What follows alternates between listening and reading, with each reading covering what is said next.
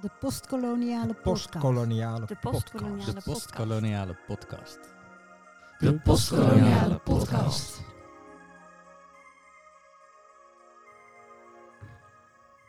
Het kolonialisme was natuurlijk niet uniek voor Nederland.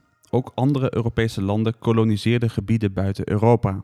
Dat leverde Franse, Duitse, Spaanse, Portugese, Italiaanse en Deense, maar vooral veel Engelstalige koloniale literatuur op. Het Britse Empire was het rijk waar de zon nooit onderging. Volgens de Fransen was dat overigens omdat God de Engelsen niet in het donker vertrouwde. Veel van de theoretische inzichten over koloniale en postkoloniale literatuur stammen uit de Angelsaksische wereld. Vandaag zijn twee wetenschappers bij ons te gast die aan buitenlandse universiteiten carrière hebben gemaakt op het gebied van de Engelstalige en Nederlandstalige koloniale en postkoloniale literatuur. Met hen gaan we spreken over internationale, multilinguale perspectieven op het koloniale verleden en de postkoloniale literatuurbenadering. Elke Beumer is hoogleraar Engelstalige wereldliteratuur aan de Universiteit van Oxford en directeur van het Oxford Center for Life Writing.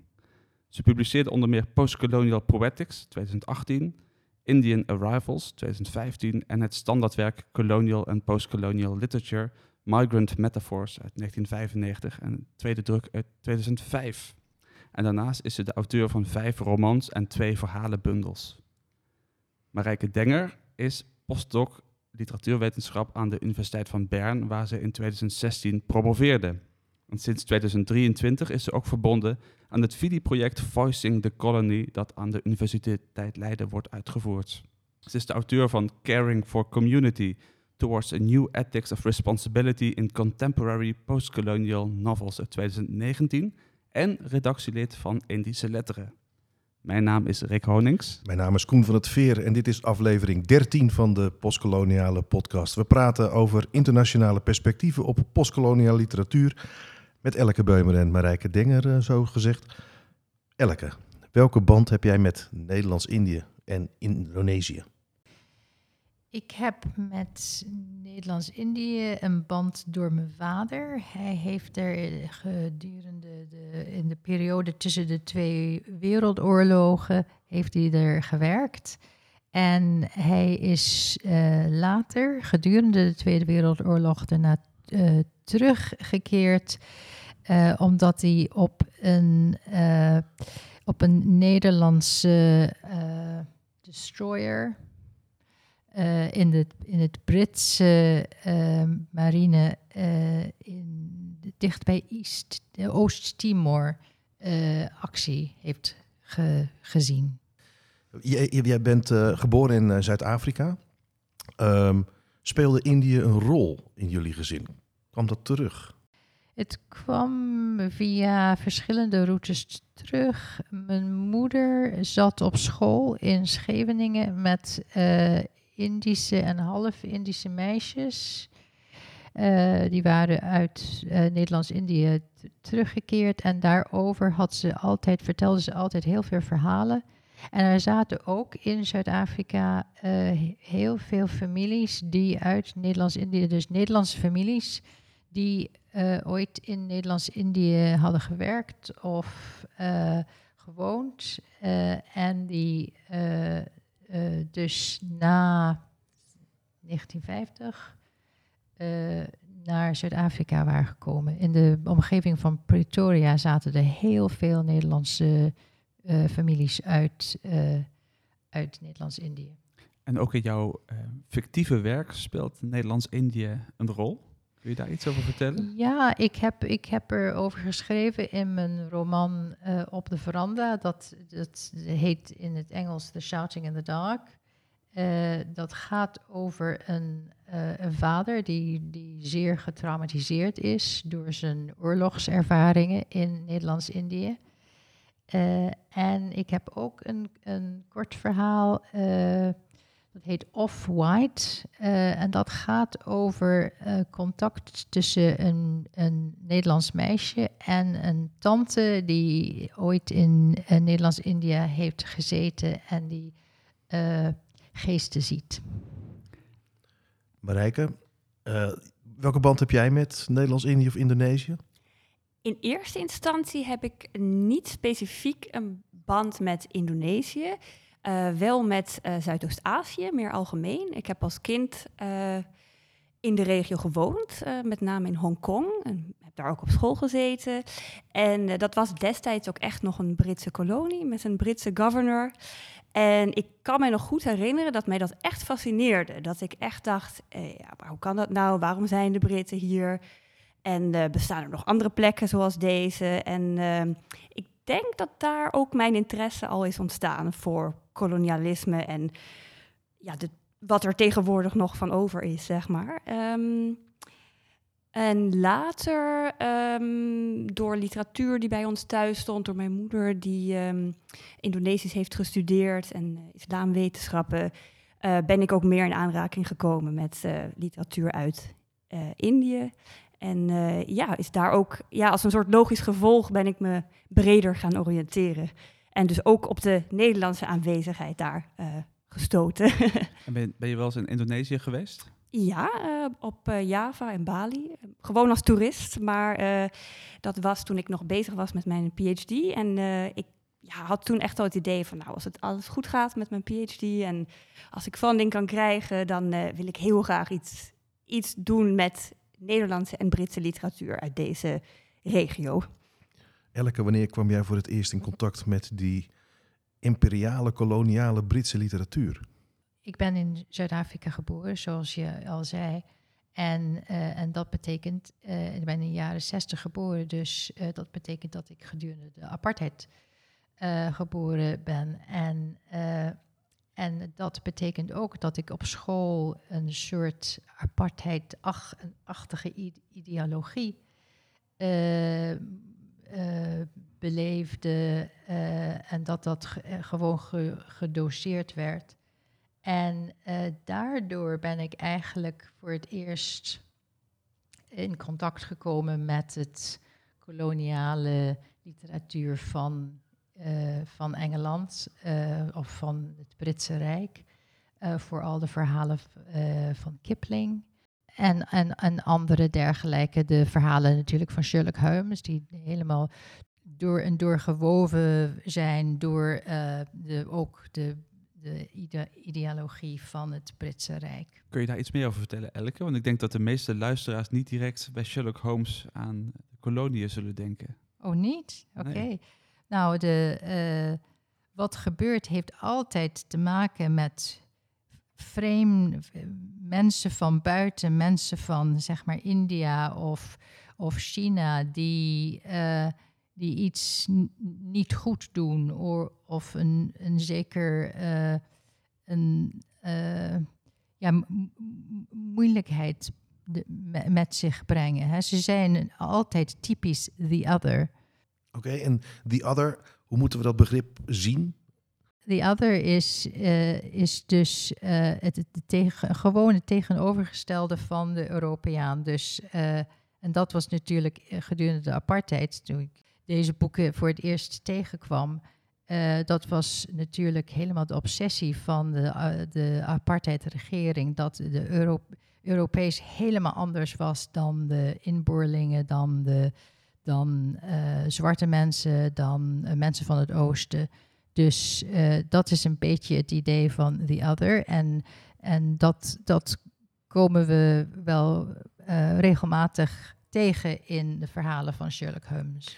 Waar heb jij zelf die omslag gemaakt? Ik kan me voorstellen dat je als kind in Zuid-Afrika... Ja, kreeg je die ideologie mee, met de paplepel ingegoten. Wanneer veranderde voor jou er iets? Mijn ouders waren allebei uh, Nederlands. En mijn moeder was van uh, vrijdenkend familie. Uh, en mijn vader was zeer conservatief. Hij geloofde absoluut in kolonialisme. Uh, en daarom was het eigenlijk, hadden ze een, een, hele moeilijke band en een, een, moeilijke relatie.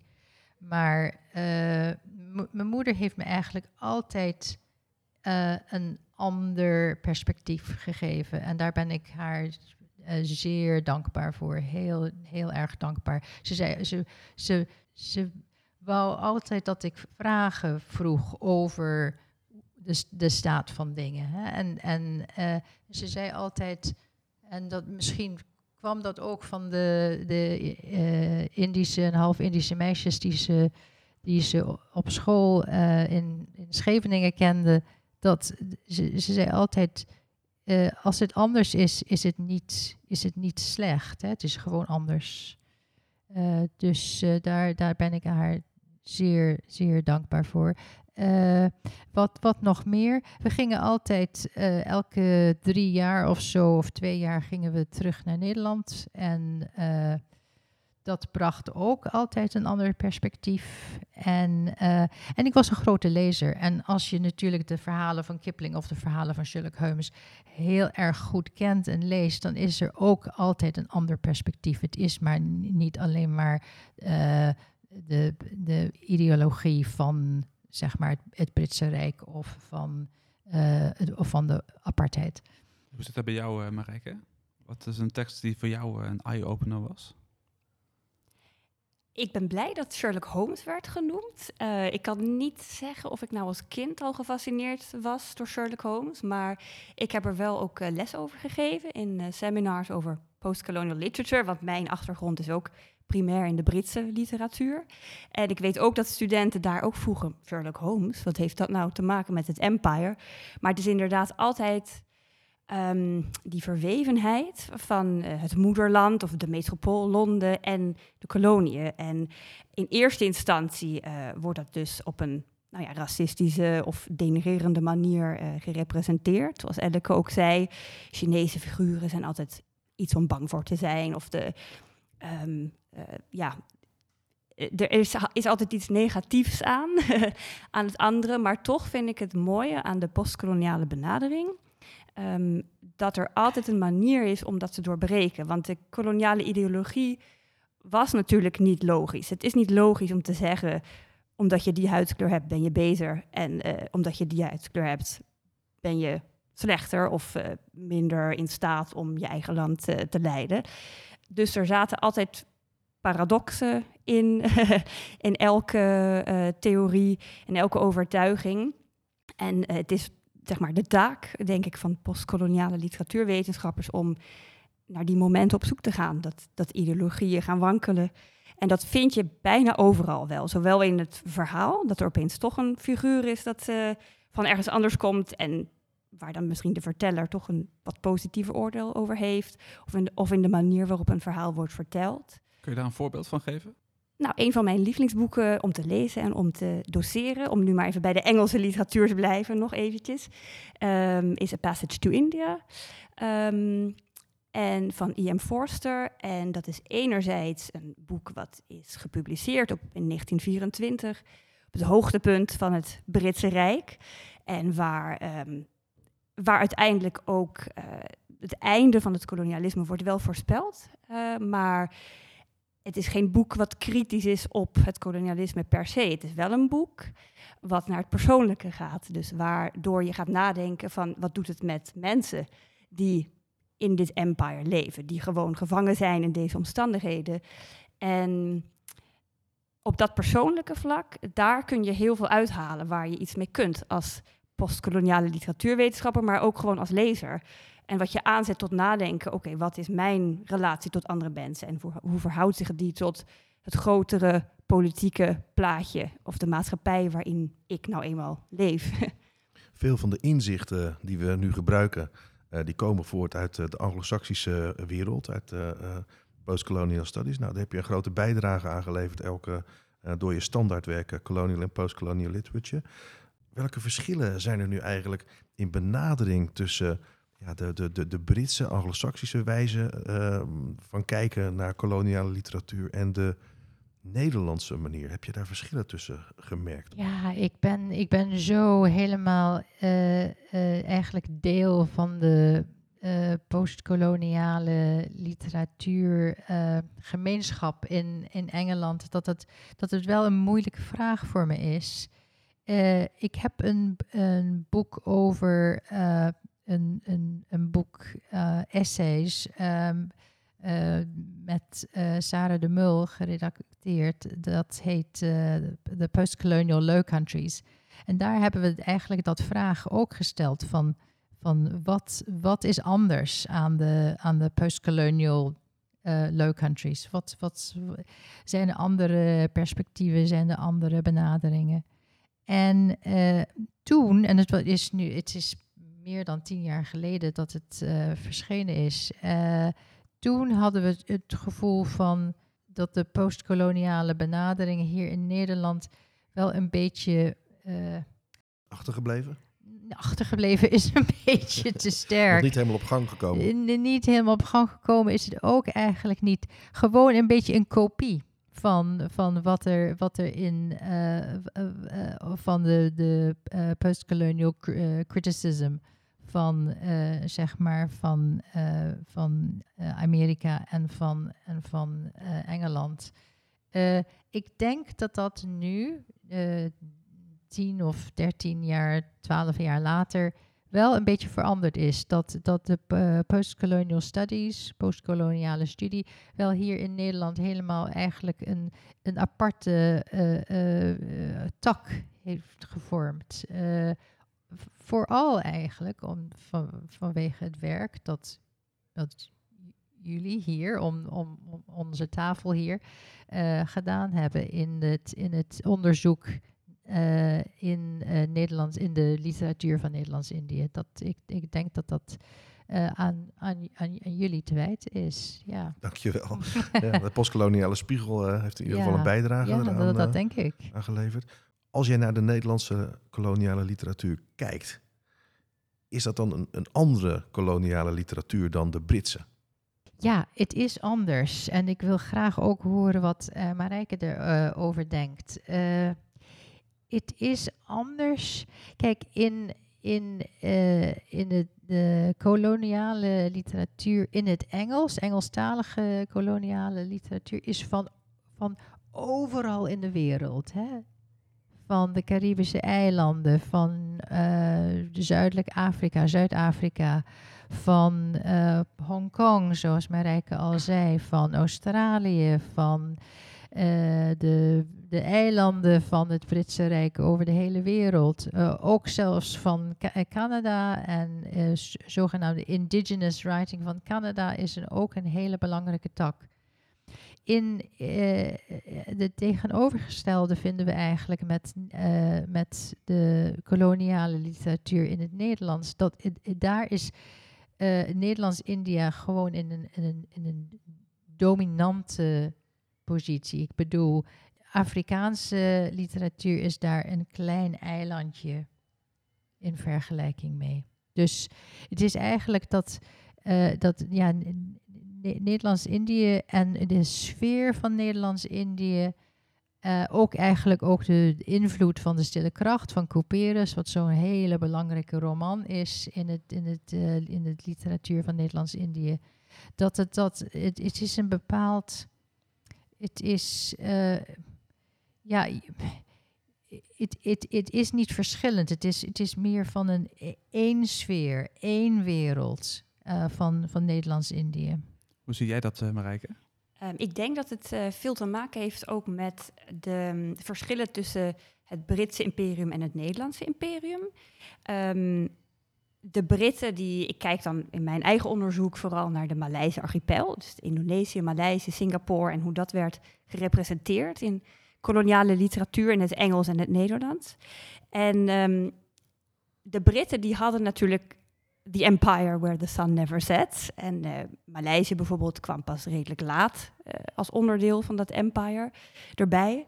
Um, en voor hun was het, zo interpreteer ik dat in ieder geval, um, omdat zij een empire hadden met India als de jewel in the crown. Een beetje wat Indonesië is voor Nederlandse koloniale geschiedenis, is India voor de Britten. Um, omdat zij dat hadden, was het logisch om andere gebieden in te nemen. Um, zij hadden die positie op het wereldtoneel. Um, terwijl voor de Nederlanders was Indië was, uh, de kurk waar het moederland op dreef. Uh, dus zodra uh, Indië verloren was, was de hele standing, het hele, zowel economisch, de economische realiteit, maar ook het symbolische zelfbeeld van de Nederlanders, dat hing vast aan Indonesië, wat nu Indonesië is. En ik denk dat je die tegenovergestelde ik zou bijna zeggen, machtsverhouding tussen kolonie en moederland. Ehm, dat zie je ook terug in de literatuur. Eh, in nou, De Stille Kracht bijvoorbeeld heb je een uh, Nederlands figuur, Otto van Oudijk, die ehm, vanuit het perspectief van de ehm, witte koloniale samenleving ten onder gaat. en dat zou je goed als symbool kunnen zien voor de Nederlandse uiteindelijke teloorgang. Terwijl in Britse koloniale literatuur heb je ook figuren die zich misdragen of who go native of die zich niet houden aan de regels van de koloniale samenleving. Bijvoorbeeld in de korte verhalen van Somerset Maugham die zich op Borneo afspelen of in Maleisië. Maar in mijn interpretatie is dat nooit, staan die uh, figuren nooit symbool voor een probleem dat de Britten hebben of een, of een angst die ze hebben om hun empire te verliezen. Het is altijd spannend om te zien dat het misgaat met iemand, omdat hij te veel drinkt of een inheemse geliefde heeft of zoiets. En nou, dat maakt een spannend verhaal, maar uiteindelijk uh, ja, is dat een individueel lot. Terwijl in de Nederlandse koloniale literatuur voel je toch bijna altijd wel ergens die onzekerheid, die angst uh, van nou, als het maar goed gaat. Ik gooi maar even een balletje op, maar is het in dat kader misschien niet opmerkelijk dat uh, het, het, het, het, meest antikoloniale boek uh, geschreven is over Congo, uh, Heart of Darkness, Joseph Conrad. Ja, het, dat is merkwaardig. Maar ik ben eigenlijk niet helemaal met Marijke eens wat ze nu net gezegd heeft. Voor, voor mij, van mijn kant gezien, is het Engelstalige koloniale literatuur door en door vol onzekerheid over het vasthouden van hun, van hun rijk. Ze zijn, ze zijn altijd bezig met de degeneratie. En, daarom denk ik dat, dat uh, Heart of Darkness zo'n touchstone is, omdat het gaat over iemand die dus uh, Kurtz, de karakter Kurtz, goes native. En Marlowe, die de verhaal over Kurtz vertelt, uh, is daar zeer vindt, vindt dat fascinerend, maar ook schrikwekkend. Mm. schrikwekkend.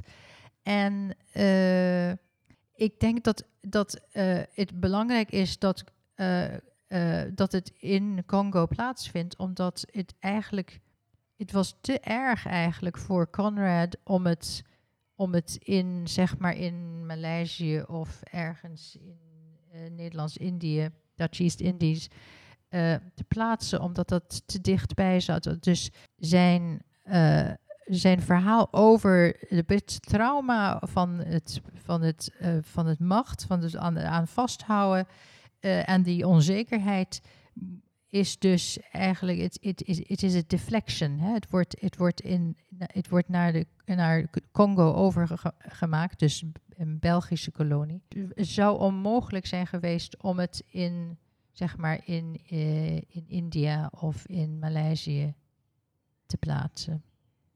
Elke, jij hebt ook onderzoek gedaan naar de stille kracht van uh, Couperus. Mm. Hoe kijk jij naar die roman?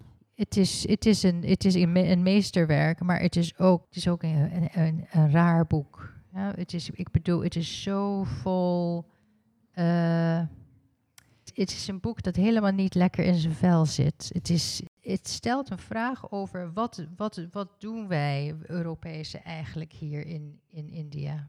En, uh, en de antwoord daarop is, uh, we zijn hier omdat we een, eigenlijk een deel uitmaken van uh, de passie, de hartstochtige... Zeg het voor me. Hartstochtelijke. Hartstochtelijke van van het oosten. Uh, dus het is, en daarom uh, heb ik uh, in onze essay, mijn essay samen met Koen van het Veer, hebben we het gehad over een queer benadering. Wat we daarmee bedoelden is dat Couperus zelf de attractie, het,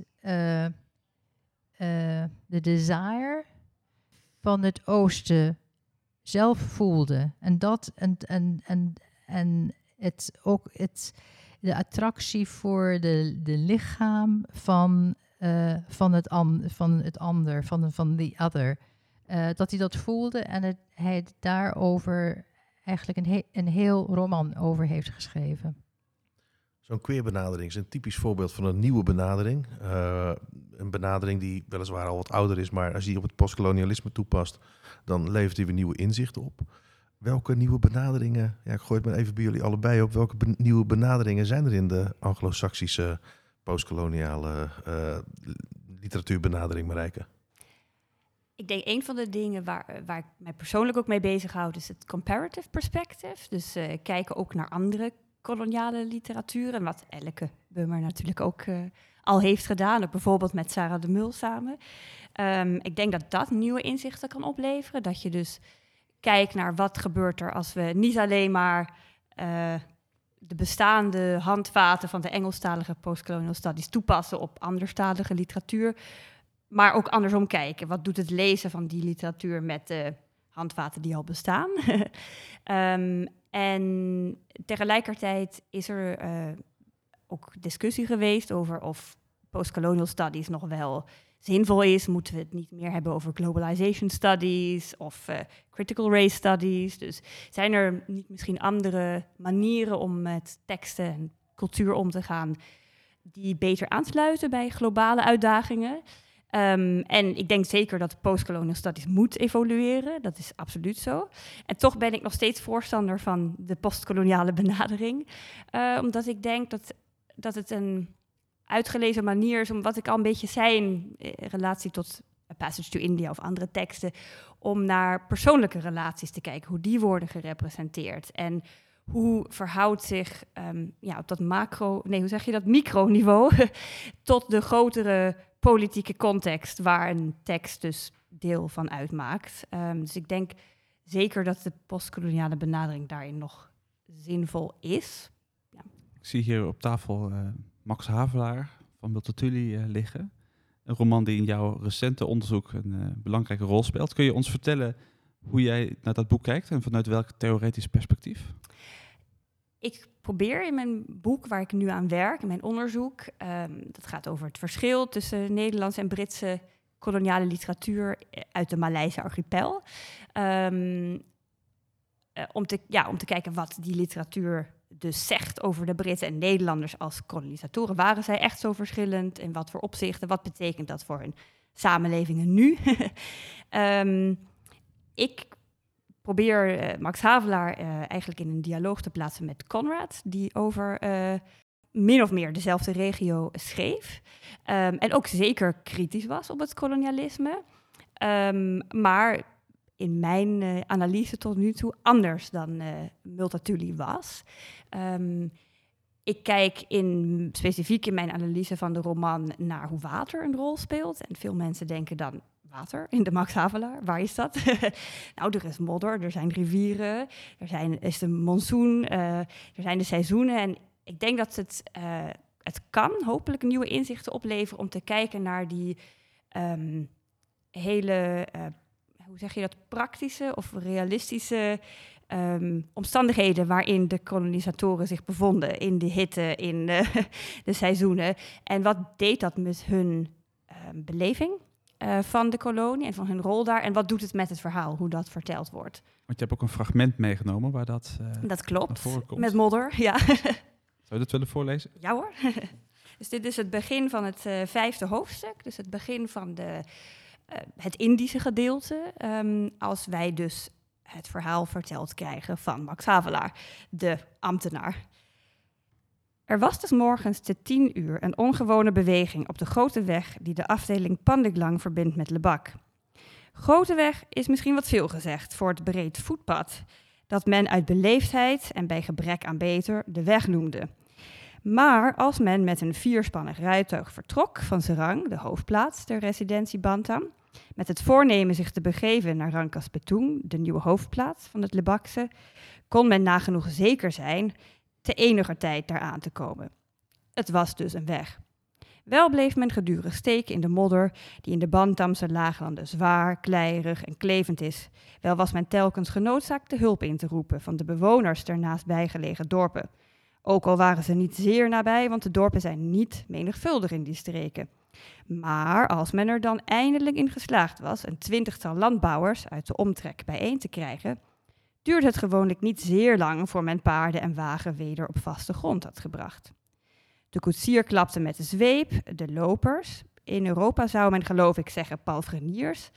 Of liever, er bestaat in Europa niets wat met deze lopers overeenkomt. Die onvergelijkbare lopers dan, met hun korte dikke zweepjes, huppelden weer aan de zijde van het vierspan, krezen onbeschrijfelijke geluiden en sloegen de paarden ter aanmoediging onder de buik. Zo hotste men dan enige tijd voort, tot het verdrietig ogenblik weer daar was, dat men tot over de assen wegzonk in de modder.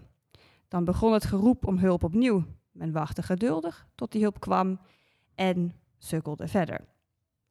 Dikwijls, als ik die weg langs ging, was het mij als zou ik hier of daar een wagen vinden, met reizigers uit de vorige eeuw, die in de modder gezakt en vergeten waren. Maar dit is me nooit voorgekomen. Ik veronderstel dus dat allen die ooit deze weg langskwamen, eindelijk zijn aangeland waar ze wezen wilden. En hoe interpreteer jij deze passage? Aan de ene kant zie je, denk ik, eh, de hele praktische problemen die de Europeanen hadden in de kolonie. Zie maar eens zo'n plek ja, echt onder de duim te krijgen, om het maar zo te zeggen. Als je niet eens fatsoenlijk van A naar B kunt komen. Ehm, je ziet ook dat ze echt afhankelijk zijn van de lokale bevolking. Dat is natuurlijk ook in andere Britse koloniale teksten altijd het geval. Ehm, daar wordt niet op gereflecteerd, maar het is toch echt zo. Ehm, dus je ziet al dat kolonialisme, zelfs in een koloniale setting, nooit eenduidig en nooit 100% gegarandeerd is.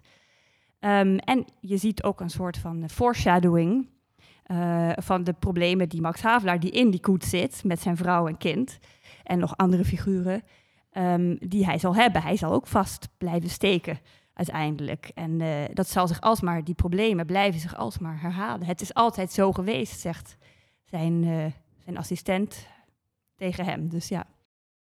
Elke, jouw project Southern Imagining, waar gaat het over? Kortom, over mijn project Southern Imagining eh, probeer ik daar een postkoloniaal perspectief toe te passen door de wereld van onderaf te bekijken. Dus vanaf de Zuidpool, via de verre kapen, bijvoorbeeld eh, Kaap van Goede Hoop of eh, Cape Horn. En via inheemse talen en via het schrijven van schrijvers bijvoorbeeld Zuid-Afrikaanse schrijvers in het Afrikaans, of liever gezegd Afrikaaps, zoals de fantastische dichters Nathan Trantal en Ronelde Kamfer. Maar ook Australiërs, inclusief inheemse schrijvers, bijvoorbeeld Alexis Wright. En voor mij de nieuw ontdekte Tara June Winch. En Nieuw-Zeelanders. Uh, ik hou heel erg bijvoorbeeld van de Maori-schrijver Witty Imera. En ook Zuid-Amerikanen zoals de algemeen bekende Jorge Luis Borges. Maar Gekke, jij bent dus ook nog niet klaar met de postkoloniale benadering. Nee, ik ben er ook zeker voor dat die moet blijven. En ik denk zeker in de Nederlandse context um, is er de afgelopen jaren pas echt aandacht gekomen voor het koloniale verleden van Nederland. Toen ik op school zat, op de middelbare school, um, lazen we wel Max Havelaar, maar niemand had het over de koloniale context. Dat klinkt bizar, maar het was wel zo. En ik, ik, uh, ik denk dat, dat, ja, dat je echt koloniale teksten postkoloniaal gaat lezen en het koloniale verleden postkoloniaal gaat benaderen uh, door tentoonstellingen, debatten, um, dat dat pas echt op gang is gekomen in de afgelopen tien jaar, zoiets. Dus ik denk dat daar echt nog wel, uh, dat het zeker nog zin heeft om daarmee door te gaan. Een van de boeken die ja, voortdurend met ons in dialoog gaat, zou je kunnen zeggen, dat, dat is de stille kracht. Ik, ik vond het weer ademloos om te lezen hoe Amitav Ghosh weer met een nieuwe interpretatie kwam uh, van de stille kracht, namelijk een eco-kritische uh, interpretatie, zo zou je dat kunnen zeggen. Het is ook het boek waaruit jouw fragment mm. komt, als het goed is, uh, Elke. Je hebt er heel een, een, mooi stuk over geschreven over Amitav Ghosh en de stille kracht Mhm. mm -hmm. en zijn The Nutmeg's Curse van Amitav Ghosh. maar ik denk niet dat Amitav Ghosh recent de stille kracht heeft gelezen, hoor. dat, hij heeft een soort of En, en Hij hij heeft interpretatie van gemaakt? Of? ja, hij heeft er een interpretatie van gemaakt. Omdat hij natuurlijk, hij zoekt voor eh, boeken, romans die iets over eh, klimaatverandering eh, zeggen. Dus en, en daarom is, is hij. bij de Stille Kracht uitgekomen en bij hij- de 10.000 dingen van Maria Dermout. Ik vond het wel opvallend. Hij, hij doet het ook wel mooi. Hij maakt zijn verhaal rond. Hè. Hij zegt, het begint, de uitbuiting van de planeet begint eigenlijk bij het kolonialisme, maar de oplossing is koloniale literatuur. grappig, hè? Ja, Ja, dat- is een paradox. Zeker. Eh, ik, dus mijn eh, stukje komt uit de stille kracht. En ik heb het gekozen omdat je dus de, de, de, de, de, de zinsgebruik, de, de, de, het, ook het ritme dat eh Couperus eh, vin- eh, weet te, op te bouwen. Dat, de, ik, dat, het is wel heel erg mooi, al is het ook een beetje ouderwets. Het Ne- Nederlands is ook een beetje eh, van toen. Oké, het is een, een kort stukje. En het komt ook in onze essay voor Koen, dat we over de stille kracht, de queer stille kracht hebben geschreven.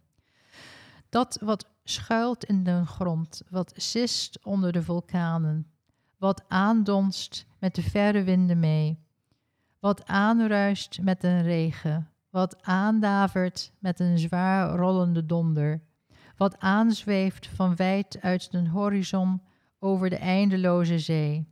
Dat wat knaagt als een gift en in vijandschap aan lichaam, ziel en leven van den Europeaan. Wat stil bestrijdt den overwinnaar en hem sloopt en laat kwijnen en versterven.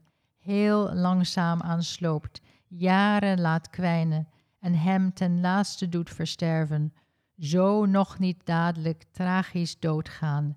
Zij voelden het beide, het onuitzegbare.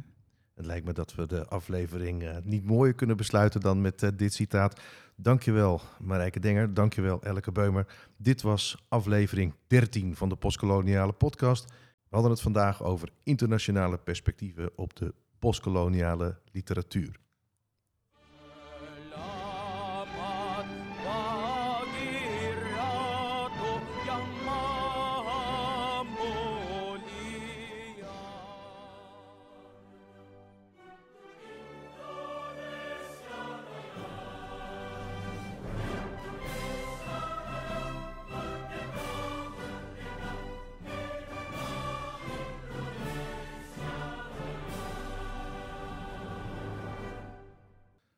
Postkoloniale podcast werd gemaakt in het kader van het NWO-VIDI-project Voicing the Colony.